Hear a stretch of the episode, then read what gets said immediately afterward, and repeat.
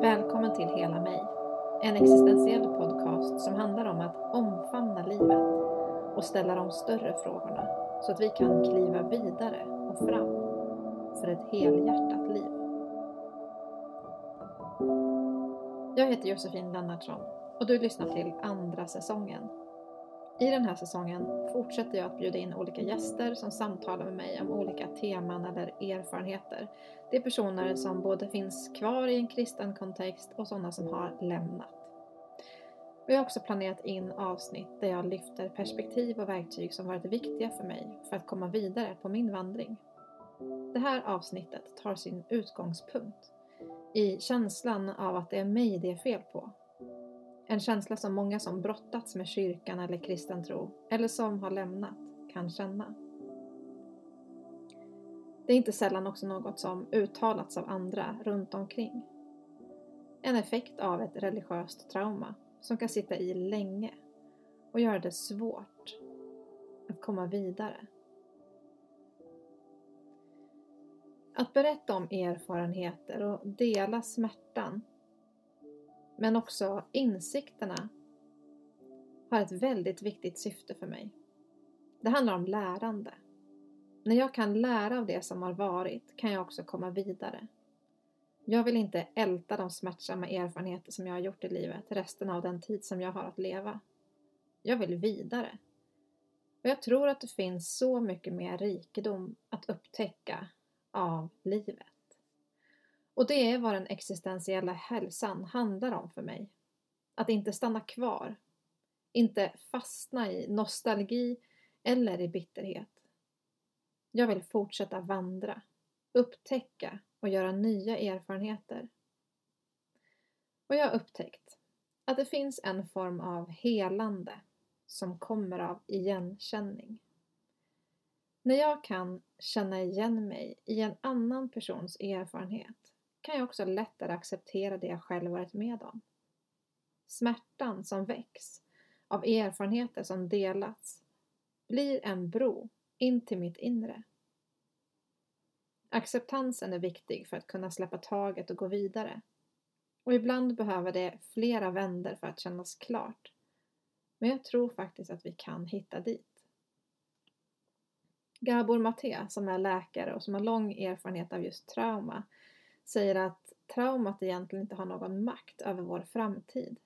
Det är vi som ger traumat den makten. Vi kan välja vad som ska påverka vem vi vill vara från och med idag och framåt.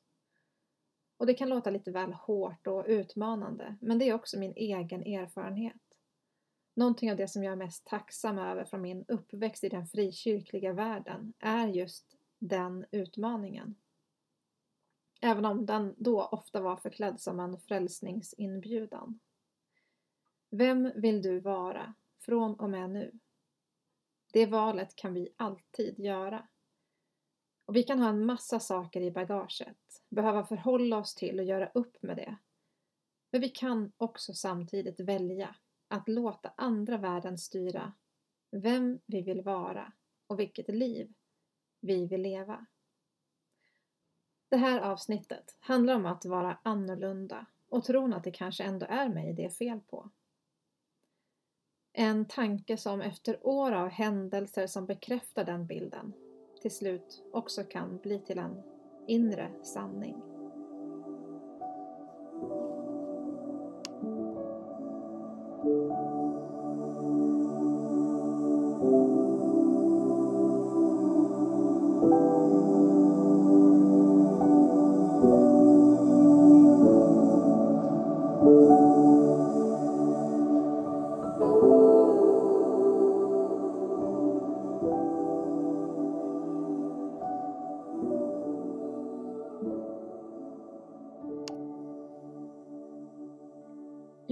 Alltid lite av en udda fågel.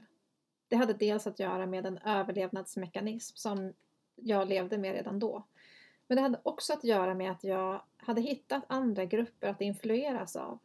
Jag hittade mina öar av vänner som kunde möta mina olika sidor. Det var oerhört värdefullt för mig. Det fick mig att känna mig trygg med de steg som jag valde i mitt liv. Jag var lite av en rebell under min uppväxt i kyrkan.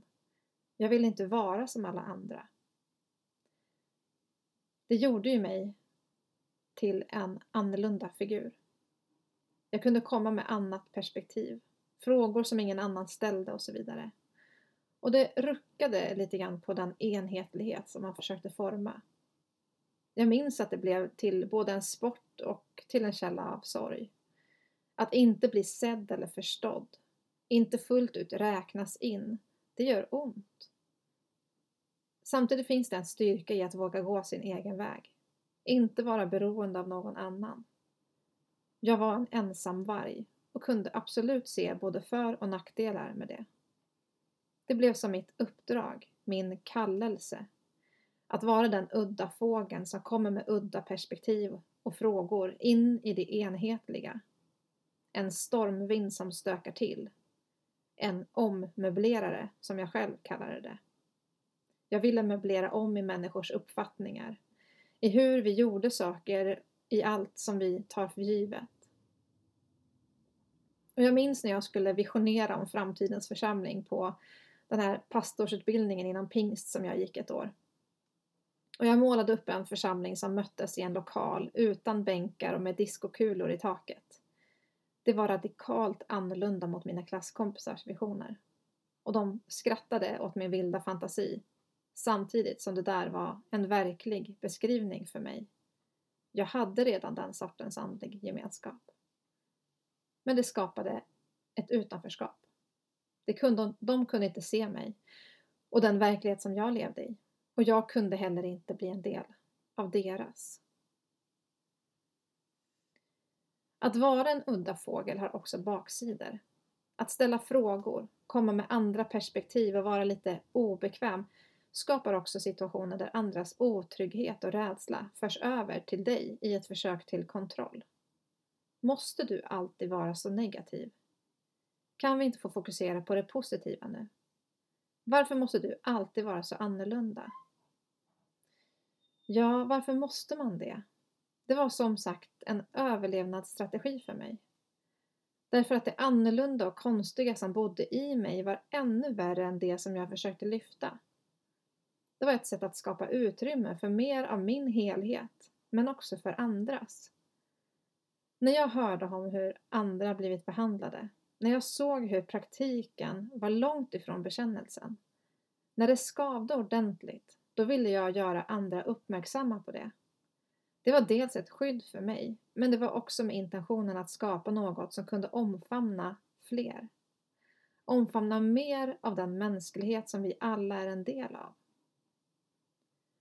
Baksidan av att vara en udda fågel var jag att jag hela tiden hamnade i situationer som på olika vis bekräftade vad min självbild redan sa. Det är nog ändå dig det är fel på.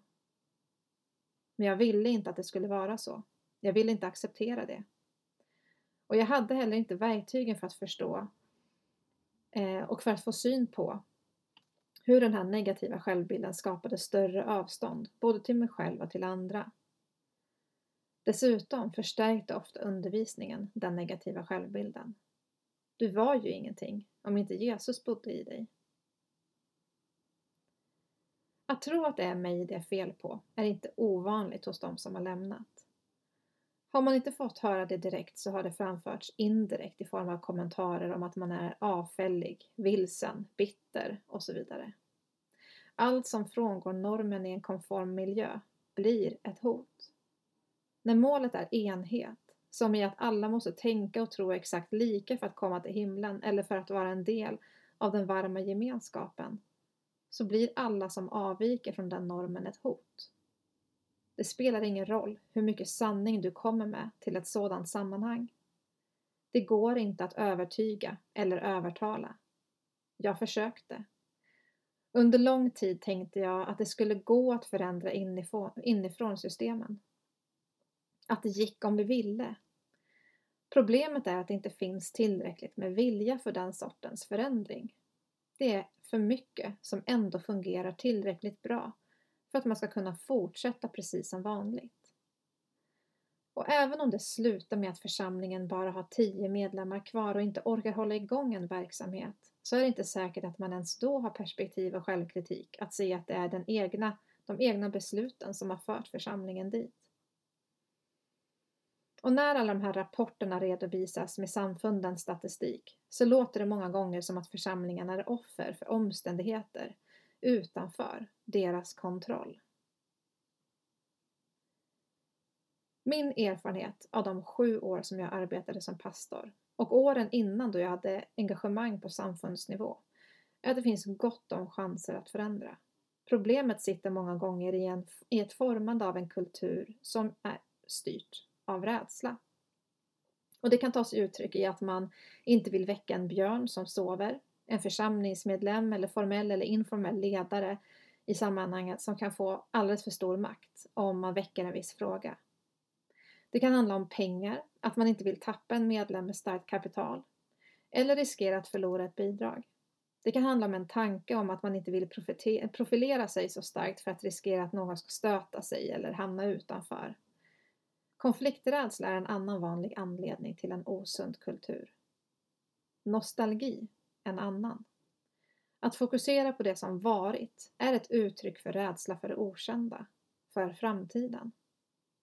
Rädslan skapar en kognitiv dissonans i församlingslivet och hos den enskilda församlingsmedlemmen. Du tror en sak, men du gör något annat, både i organiserandet av församling och i ditt privatliv. Det är vad kognitiv dissonans handlar om. Skavet. Det kan också skapa en förskjutning eller en förträngning av sidor hos dig själv eller organisationen som du helt, e-, helt enkelt inte vill eller kan kännas vid.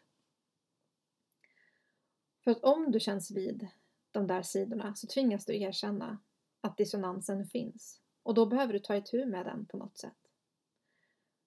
Ofta så leder det här till ett ifrågasättande av både tro och ens eget agerande. Och det här är ganska allvarliga existentiella processer som människan gärna flyr ifrån. Men en gemenskap som hävdar sig syssla med existentiell hälsa, som många kyrkor nu alltmer faktiskt börjar säga, och som menar att den väg som man vandrar ger exakt de resurser som man behöver för ett helt liv, borde kunna ta den processen.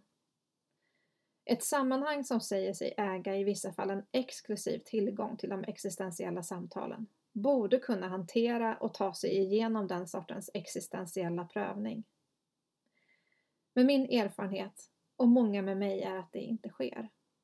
Istället skapas en attityd av att de som har kritiserat och som sedan länge har lämnat inte längre, längre äger någon rätt att kritisera och framförallt inte har något värdefullt att komma med till de som är kvar. Varför ska vi lyssna till dig? Du har ju lämnat. Är inte en helt ovanlig kommentar. Det här är receptet på en förenings död. Rörelsen är för länge sedan stelnad.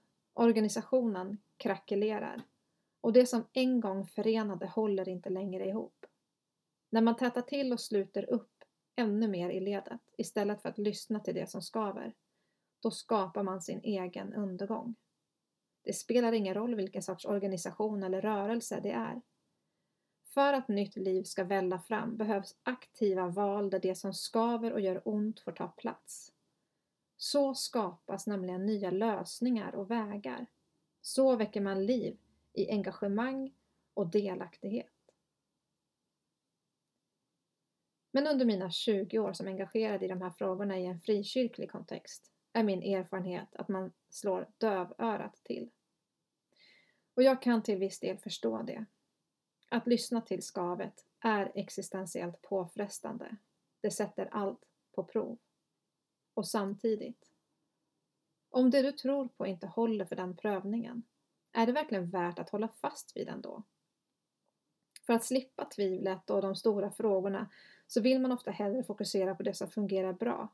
Det är lite som att fokusera sin energi på fasaden och entrén så länge den ser inbjudande och välkomnande ut, så länge som det fortsätter komma in folk den vägen, så kan man intala sig om att det man gör fungerar och håller. Men det blir en haltande tillvaro. För ett hus består av fler rum än så. Och om det inte finns utrymme för frågorna, för skavet och förändring när det behövs, då kommer bakdörren att öppnas. Och genom den dörren har tusentals människor i alla åldrar vandrat mycket länge. Det är till och med så att vi är fler som finns på kyrkans baksida som på ett eller annat sätt tagit oss igenom och ut på en annan sida. Med lite mer skugga och oklara gränser. Om pingströrelsen hade kunnat behålla alla som har vuxit upp eller på något sätt deltagit i barn och ungdomsverksamhet hade rörelsen idag haft runt en miljon medlemmar istället för de knappa 90 000 som den har idag. Det är alltså fler på kyrkans bakgård som tagit sig ut genom bakdörrarna än som finns i huset. Och till dig som tagit dig igenom vill jag säga, det var inte dig det var fel på. 900 000 människor kan inte ha fel. 60 procent av hela barn och ungdomsverksamheten varje år är inte slumpartade händelser. Det visar på ett systemfel.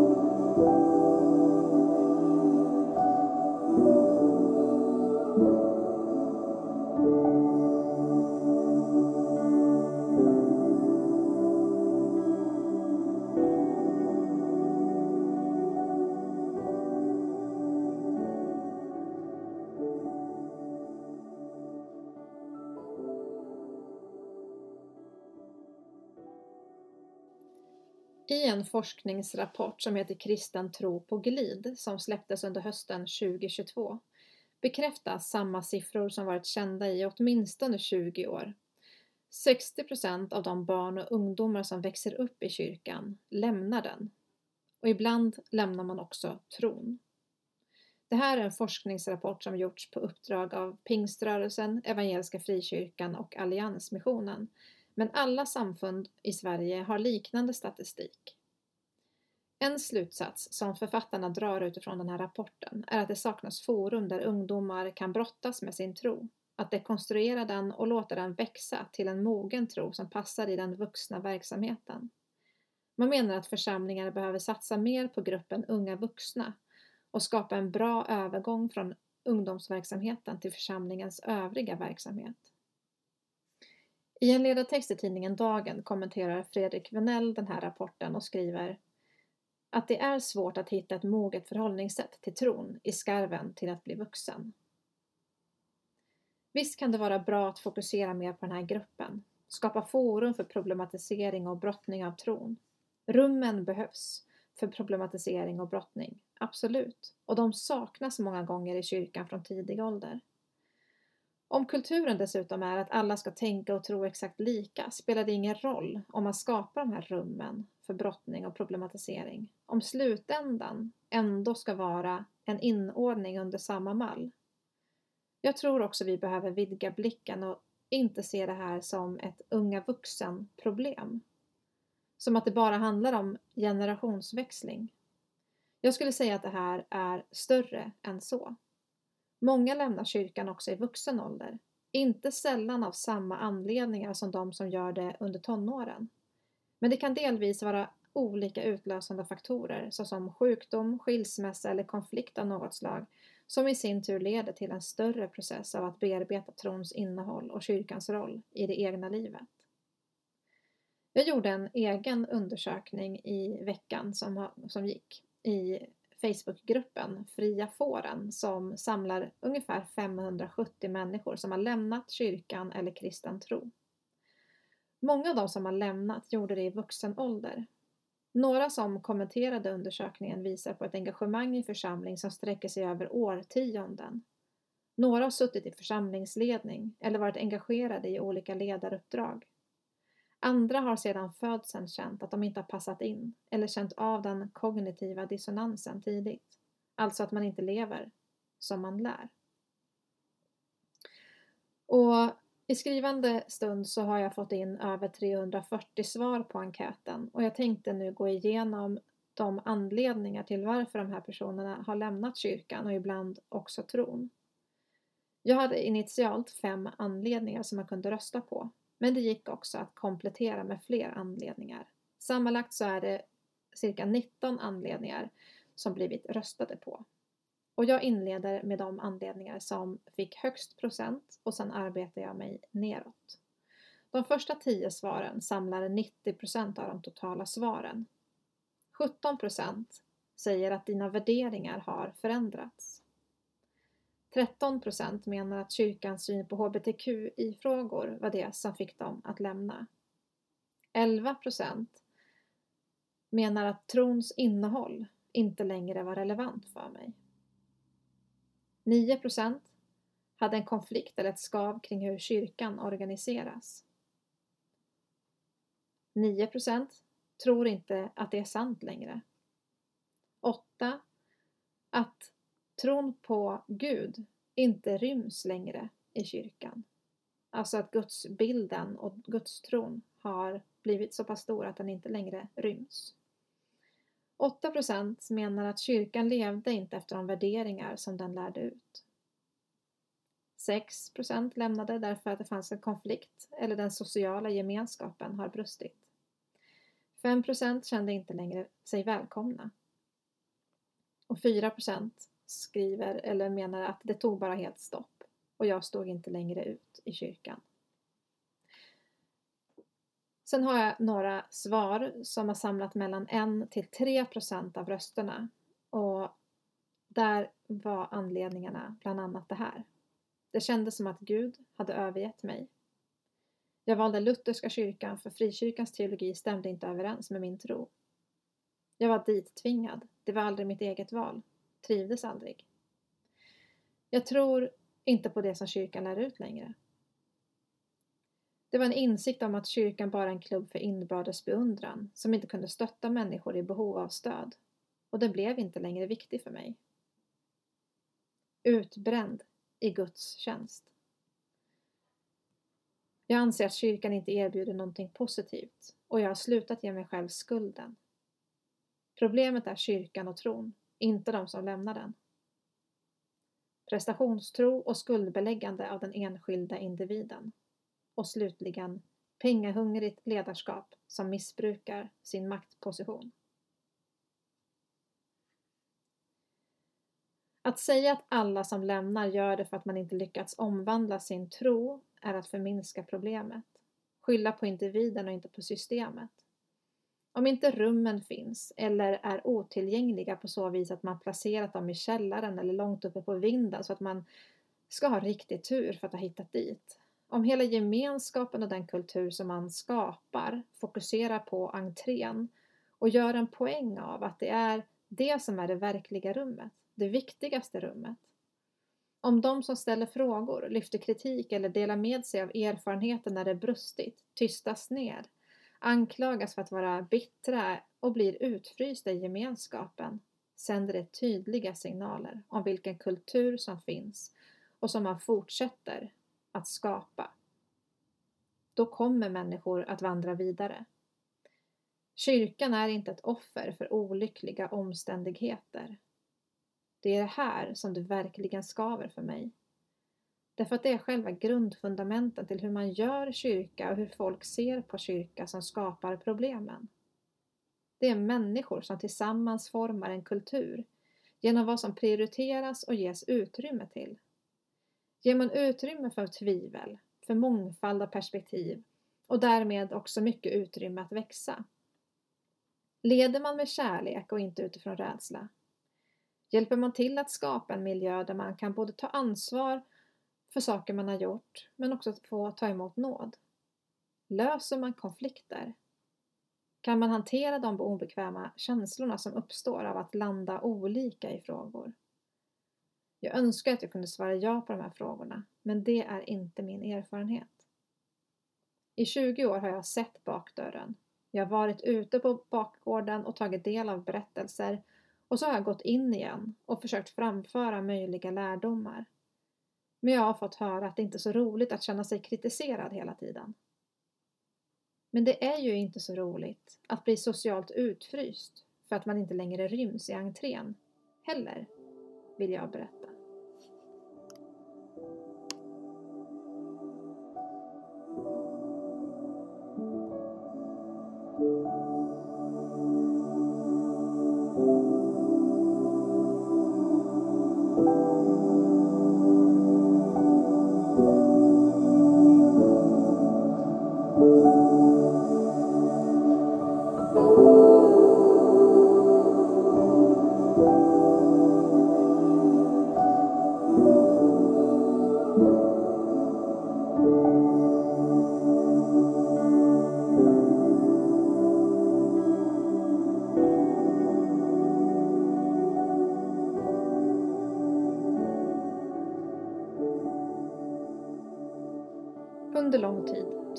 Var mig det var fel på. Det var både faktorer inom mig, normer och så kallade sanningar som blivit internaliserade som en del av min egen tankevärld.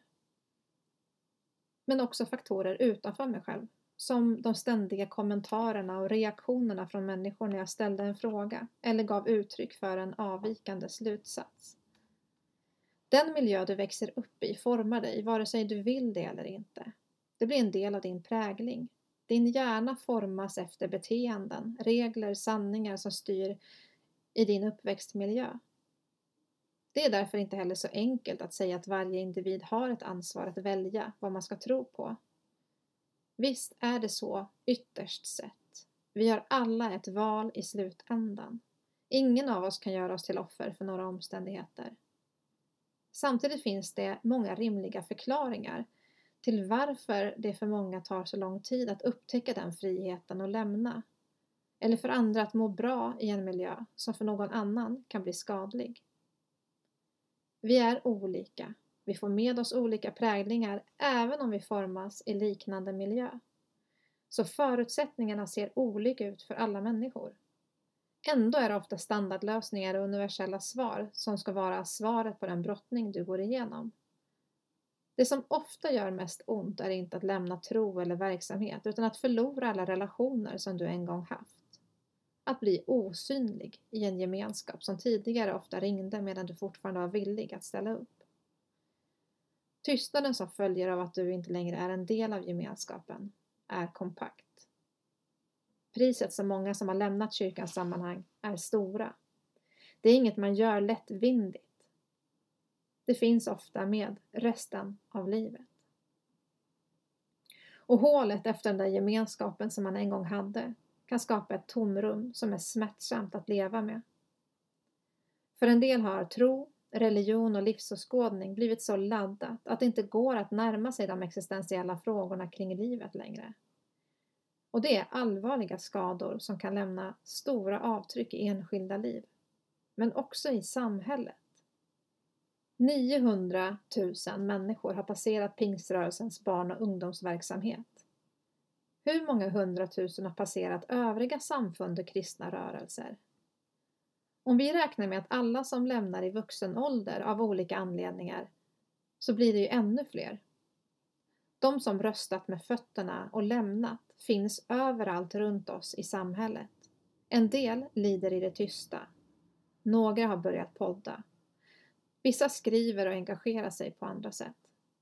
De senaste åren har rösterna blivit fler och allt mer högljudda. Och det har att göra med att tystnaden har brutits. Att forum skapats där lögnen att det är mig det är fel på har kunnat brytas. Sociala medier och digitaliseringen har varit en viktig och bidragande orsak till det. Och det är klart att kyrkan gör många bra saker. Kyrkan gör väldigt många bra saker i entrén och vid fasaden. Det är många där som tar del av viktiga insatser som kyrkan gör för samhället. Språkcaféer och härbergen och så vidare. Men vem ska ta ansvar för alla de som hamnat på bakgården? För de med religiösa trauman? De som har förlorat familj och social tillhörighet? Det här behöver få större uppmärksamhet därför att ett oläkt sår ofta skapar fler komplikationer. Men det finns vägar vidare. Livet fortsätter och hittar nya utrymmen och gemenskaper som berikar. Livet tar ju inte slut bara för att du lämnar din troende gemenskap, även om det kommer vara ett vakuum under en lång tid. Men den dyrköpta erfarenheten som du har gjort, den får du ofta bära med dig resten av livet. På sätt och vis kommer det ju alltid att vara så. Frihet har alltid ett pris. Det är en existentiell sanning som även Jesus talade om. Och den gäller i alla sammanhang och tider oavsett om det handlar om tro, identitet eller någonting annat. Men det ursäktar inte skadliga beteenden. Och inte heller brist på intresse att lyssna och vilja lära. Och det här är anledningen till att jag gör den här podden. För det finns vägar vidare från bakgården. Att veta att du inte är ensam och att du till och med är i majoritet kan vara läkande för din självbild. Det var inte fel på dig. Det var inte du som var trotsig, upprorisk eller avfällig. Du var inte trasig, skör eller extra sårbar.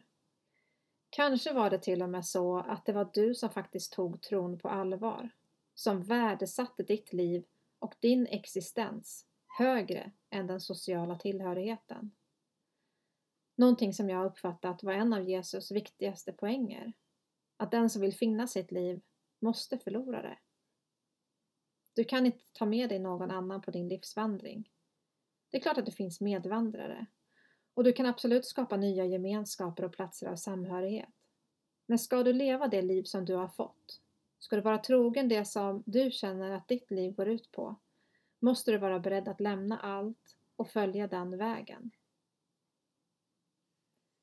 Jag tror inte att Jesus startade en ny religion. Han var en stark kritisk röst till den.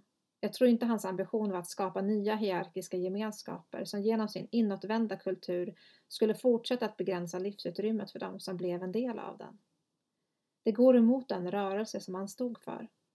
Och jag har ju lite gett upp hoppet om att förändra kyrkan och den kristna institutionen. Däremot så har jag tro för att alla som på ett eller annat sätt har upplevt sig bli begränsade av dessa sammanhang ska kunna resa sig över den ofrihet som man blivit presenterad. Det finns mer av liv för oss alla att upptäcka. Det finns både nya och gamla sätt att kultivera det livet i oss.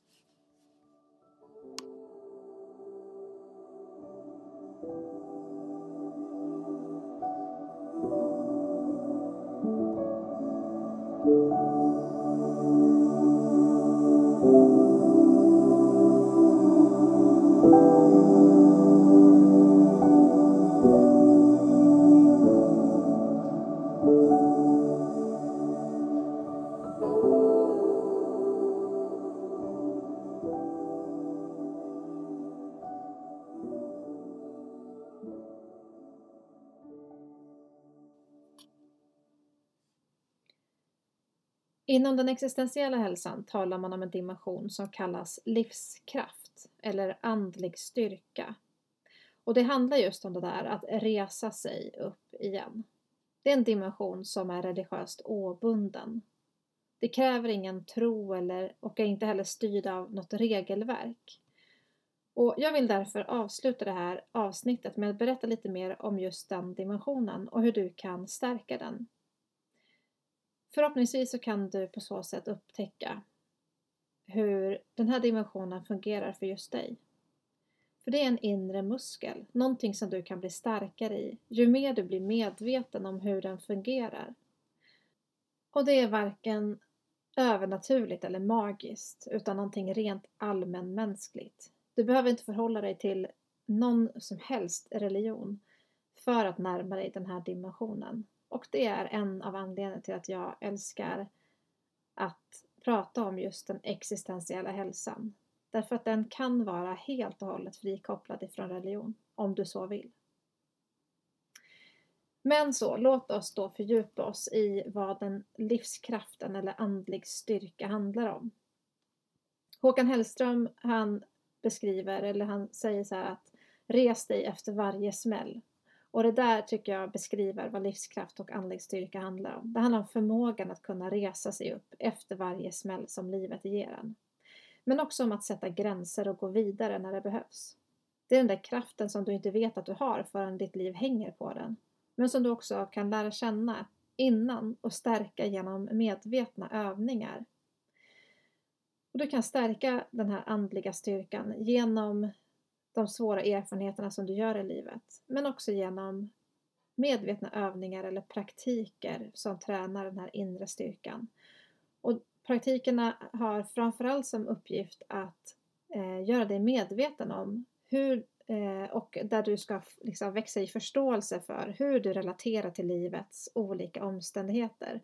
Och det handlar ju om både att bli mer medveten om eh, vad det är för någonting i dig som gör att du reagerar på olika sätt i mötet med olika motgångar och konflikter eh, och situationer. Men också vad det är för någonting som kan motivera dig och som driver dig i livet. Eh, regelbundna praktiker kan till exempel vara meditation, kontemplation eller att åka på retreat. Det kan handla om skriven reflektion, journaling. Eh, det kan vara andliga sånger, bön, Eh, men det kan också vara sånt som skapande, som kreativa uttryck. Och jag tänker egentligen också att det kan vara att typ åka Vasaloppet eller att göra någon annan sån stor utmaning. Det handlar om övningar som utmanar din inre uthållighet och som tar dig till de här olika inre hinder som du kan ha. Men också såklart de yttre hinder av olika förutsättningar som, som du också behöver förhålla dig till. Eh, och som där hjälper dig att hitta hur du ska förhålla dig och hur du ska göra för att kunna komma vidare ifrån den eh, platsen som du just nu är på. Så det handlar alltså om att göra svåra saker. Att stärka din livskraft eller andliga styrka som det också kan beskrivas som innebär att hitta din personliga ingång till dig själv och det som gör livet värt att leva för dig. Och där kan ritualer ha en viktig funktion. Det kan vara, de kan vara viktiga men bara skulle jag säga om du har en personlig koppling till dem. Alltså det hjälper inte att meditera bara för att du har hört att det är bra. För det finns inget magiskt i den praktiken som bara gör att allting blir bra för att du har mediterat. Utan meditationen fungerar ju när du tillåter den att bli ett redskap genom vilket du kan möta dig själv och även växa som dig själv. Och det gäller ju alla andra typer av praktiker, att sjunga andliga sånger eller be eller vad det nu kan vara. Det, det fyller ju bara en funktion för dig om det är så att du tror på det som du ber eller sjunger och om orden landar i den verklighet som är din. Eh, så, så det handlar om att liksom hitta verktyg och att använda de här verktygen för introspektion, alltså för för en reflektion kring hur du fungerar, vad som driver dig, vad som hindrar dig och vad du kan göra för att överkomma de sakerna i dig. Eh, och jag tänker att det alltid på något sätt leder till insikt och någon form av handling. Så det är ett sätt att vara i rörelse, att fortsätta vara i rörelse. Och en viktig motor i det här är att älska dig själv med alla svagheter och brister som det kommer med.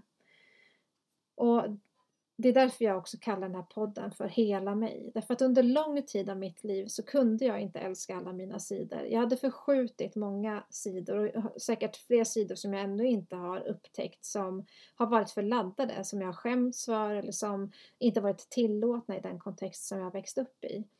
Och som har gjort att jag inte har heller, jag har inte kunnat möta mig själv men jag har heller inte kunnat möta andra människor fullt ut. Utan det blir ett litet liksom, spel som man gör för varandra. Vi möts bakom våra fasader men vi kan inte göra ett riktigt möte där vi tar bort alla masker och bara är de rena människor som vi är. Och det är när vi kan mötas som de här liksom bristfälliga, rena människorna som har fullt av karaktärsdrag och sidor som vi inte alls är glada och stolta över.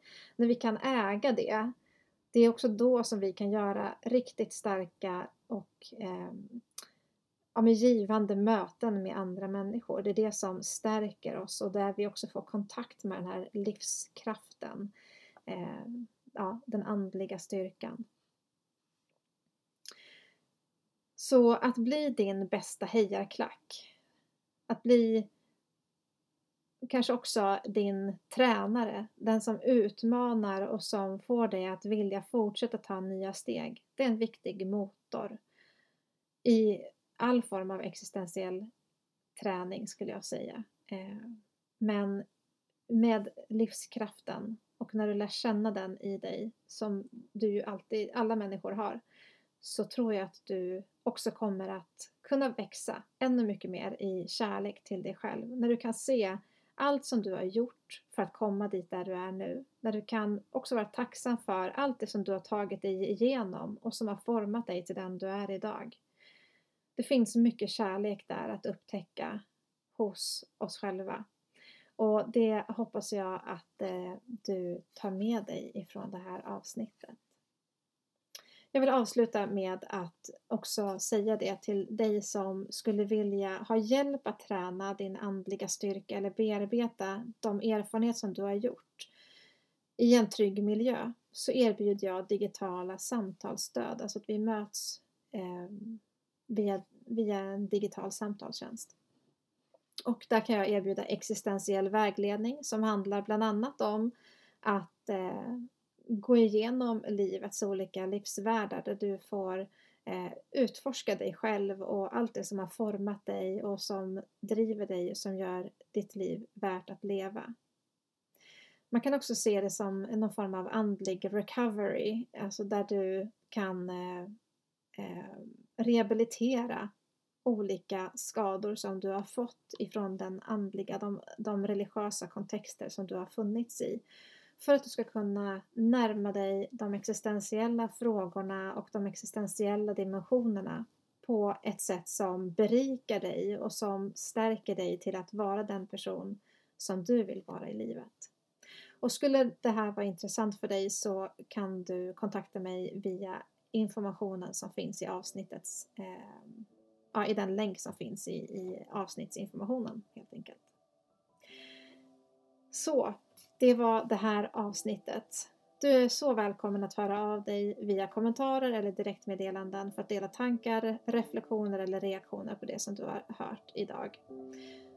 Vi växer när vi kan mötas som människor och dela med oss av det som betyder något för oss. Stort tack för att du har lyssnat.